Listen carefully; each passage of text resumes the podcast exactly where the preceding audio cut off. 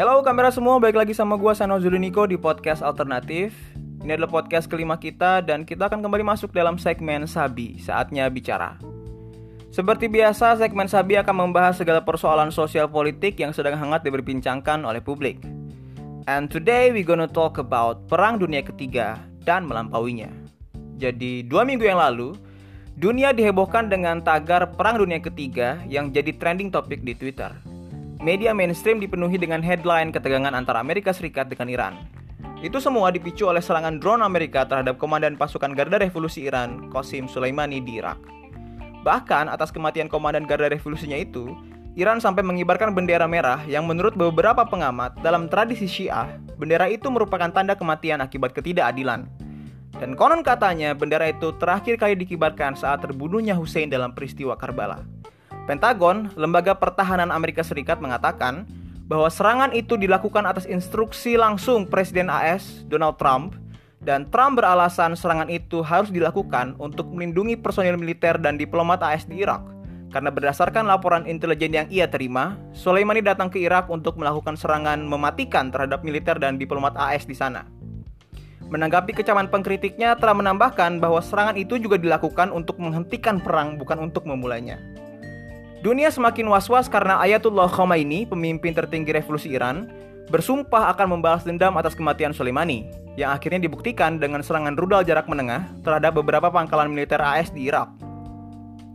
Menteri Luar Negeri Iran mengatakan bahwa serangan balasan itu tidak dimaksudkan untuk meningkatkan eskalasi ketegangan antara kedua negara, melainkan sebuah aksi defensif atas serangan AS terhadap Sulaimani sebelumnya. Ia juga menambahkan bahwa serangan itu telah diperhitungkan dan mempertimbangkan hukum internasional karena hanya menyerang pangkalan militer dan tidak ditujukan kepada rakyat sipil. Meskipun dalam perkembangannya, Iran mengakui bahwa salah satu rudalnya mengenai pesawat terbang komersil karena personilnya di lapangan mengira bahwa pesawat itu adalah pergerakan musuh. Atas kejadian tersebut, setelah sempat mengelak, Iran secara resmi akhirnya meminta maaf yang disampaikan langsung oleh presidennya Hasan Rohani. Ketegangan antara Amerika Serikat dan Iran berpotensi menjadi pemicu perang dunia ketiga karena aksi saling serang antara keduanya dapat menjadi sumbu yang mampu menyulut ledakan besar akumulasi permasalahan dunia yang tidak dapat terselesaikan sampai hari ini. Satu hal yang menarik ketika kita coba telusuri lebih dalam pendapat warga dunia tentang potensi meletusnya perang dunia ketiga, Terlihat banyak orang telah sadar bahwa perang bukanlah hal yang menyenangkan dan mereka menolak terjadinya perang. Tokoh-tokoh berpengaruh dari kedua negara yang sedang bersih tegang menyerukan kepada pemerintahannya masing-masing untuk menahan diri dan menghindari peperangan. Nah, kita akan bahas kenapa sih manusia harus saling berperang dan apa yang akan terjadi jika perang dunia ketiga akhirnya benar-benar meletus. Menurut gua, jika kita coba sederhanakan, Perang hanya akan terjadi karena dua alasan. Pertama, karena perbedaan identitas, dan kedua, karena perebutan sumber daya. Perbedaan identitas itu banyak macamnya ya. Identitas keagamaan, identitas kesukuan, identitas ras, identitas kebangsaan, identitas politik dan sebagainya. Manusia pada dasarnya adalah makhluk yang penuh dengan kecurigaan terhadap sesuatu yang tidak dimengertinya. Perbedaan identitas di antara kita menyebabkan rasa curiga yang sering kali berujung pada konflik. Misalnya agama A mencurigai agama B akan mengganggu iman penganut agamanya. Selain kecurigaan, ada juga persoalan uh, kayak misalnya merasa lebih unggul. Jadi ada satu identitas yang merasa lebih unggul daripada identitas lain. Contoh, bangsa A merasa lebih unggul dari bangsa-bangsa yang lain dan berkeyakinan bahwa mereka layak untuk menjadi penguasa tunggal di atas permukaan bumi. Nah, jika konflik-konflik semacam itu tidak segera diselesaikan, maka ujungnya kita akan menempuh jalan kekerasan seperti perang untuk menyelesaikannya. Sementara perebutan sumber daya disebabkan oleh rasa khawatir tidak dapat bertahan hidup dan juga keserakahan yang mendorong sebagian dari kita ingin memiliki semua hanya untuk kelompok atau dirinya sendiri. Dalam banyak kasus, dua alasan itu saling berkaitan satu sama lain dan mengakibatkan meletusnya perang-perang besar dalam sejarah peradaban manusia. Kurang lebih, itu adalah dua alasan utama mengapa manusia saling berperang. Tapi sekali lagi gue tekankan bahwa dua alasan itu merupakan hasil penyederhanaan atas segala kerumitan manusia dan peperangan. Karena perang selalu penuh dengan ketidakpastian. Satu-satunya yang pasti dalam perang hanyalah kehancuran. Berikutnya, apa yang akan terjadi jika perang dunia ketiga akhirnya benar-benar meletus? Dan ini adalah lima hal yang mungkin akan terjadi jika Perang Dunia Ketiga tidak dapat lagi kita hindari. Pertama, krisis ekonomi. Perang dunia akan menyebabkan krisis ekonomi global yang efeknya pasti dirasakan oleh semua negara. Ketegangan antara Amerika Serikat dan Iran kemarin aja udah berimbas pada kenaikan komoditas utama penunjang perekonomian dunia seperti minyak. Gua nggak bisa bayangin krisis ekonomi sebesar apa yang akan kita alami jika ketegangan itu berujung pada Perang Dunia Ketiga. Inflasi besar-besaran, perdagangan internasional akan kacau balau, atau yang terparah akan terjadi kelangkaan sumber daya di banyak negara.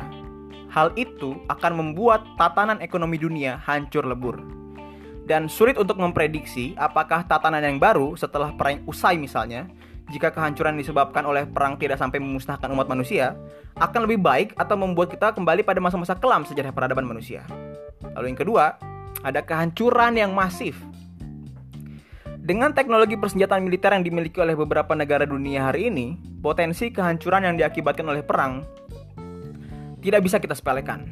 Jika kita berkaca pada Perang Dunia Kedua, yang teknologi persenjataan militernya belum secanggih hari ini, Amerika Serikat mampu melululantahkan dua kota besar di Jepang, Nagasaki dan Hiroshima, hanya dengan dua kali serangan menggunakan bom atom. Sementara, dalam Perang Dunia Ketiga yang mengancam kita semua, beberapa negara telah mengembangkan persenjataan nuklir, dan menurut para ahli, bom nuklir memiliki efek penghancur yang sangat dahsyat, bahkan dapat meratakan satu negara seukuran Iran dalam satu kali serangan.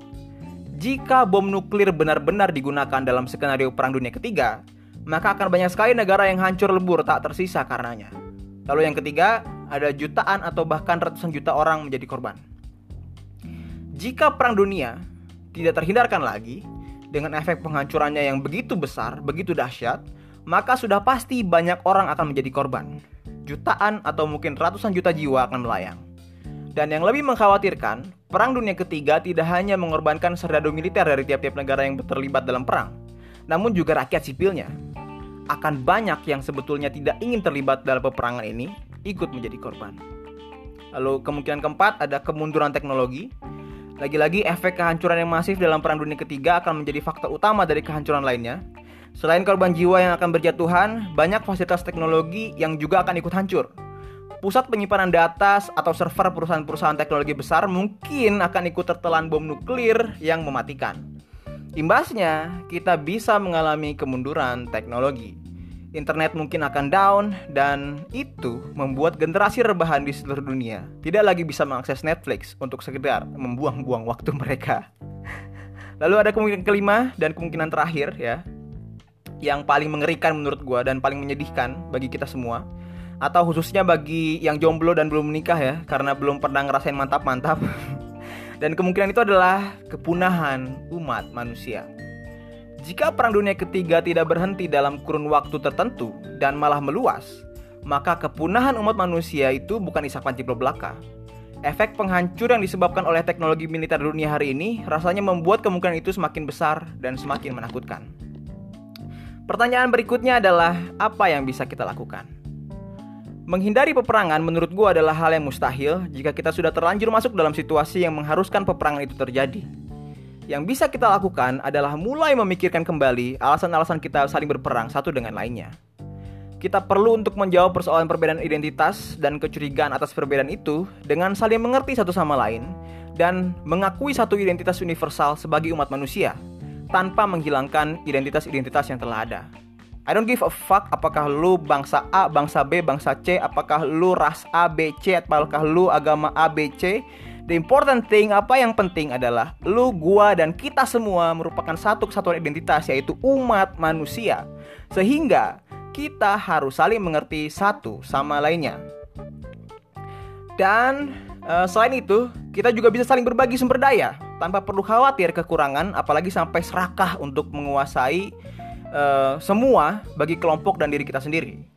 Kenapa sih kita harus saling bunuh hanya karena perbedaan ras, karena perbedaan suku, karena perbedaan bangsa, agama atau pandangan politik?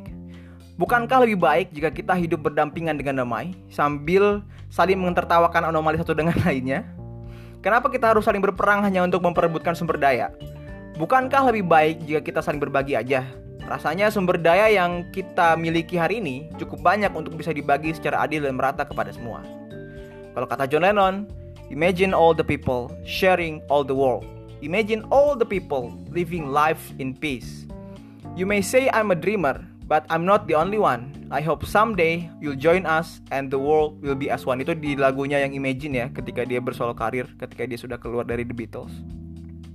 Nah, sehingga satu-satunya jalan bagi umat manusia untuk bisa bertahan lebih lama di atas permukaan bumi, untuk kita bisa menghindari kepunahan umat manusia dalam Perang Dunia Ketiga, adalah dengan mengajak semua orang untuk saling mengerti dan hidup dengan damai, serta berbagi semua sumber daya yang ada secara adil tanpa terkecuali. Mungkin hal itu terdengar utopis dan mungkin kalian akan menganggap bahwa gua hanya sedang bermimpi di siang bolong. Tapi gua tidak sendirian. Gua harap satu saat kalian ikut bermimpi bersama kami dan dunia akan menjadi satu. Terima kasih. Itu adalah akhir dari podcast kita kali ini. Gua Sanos Niko, mohon pamit. Ciao.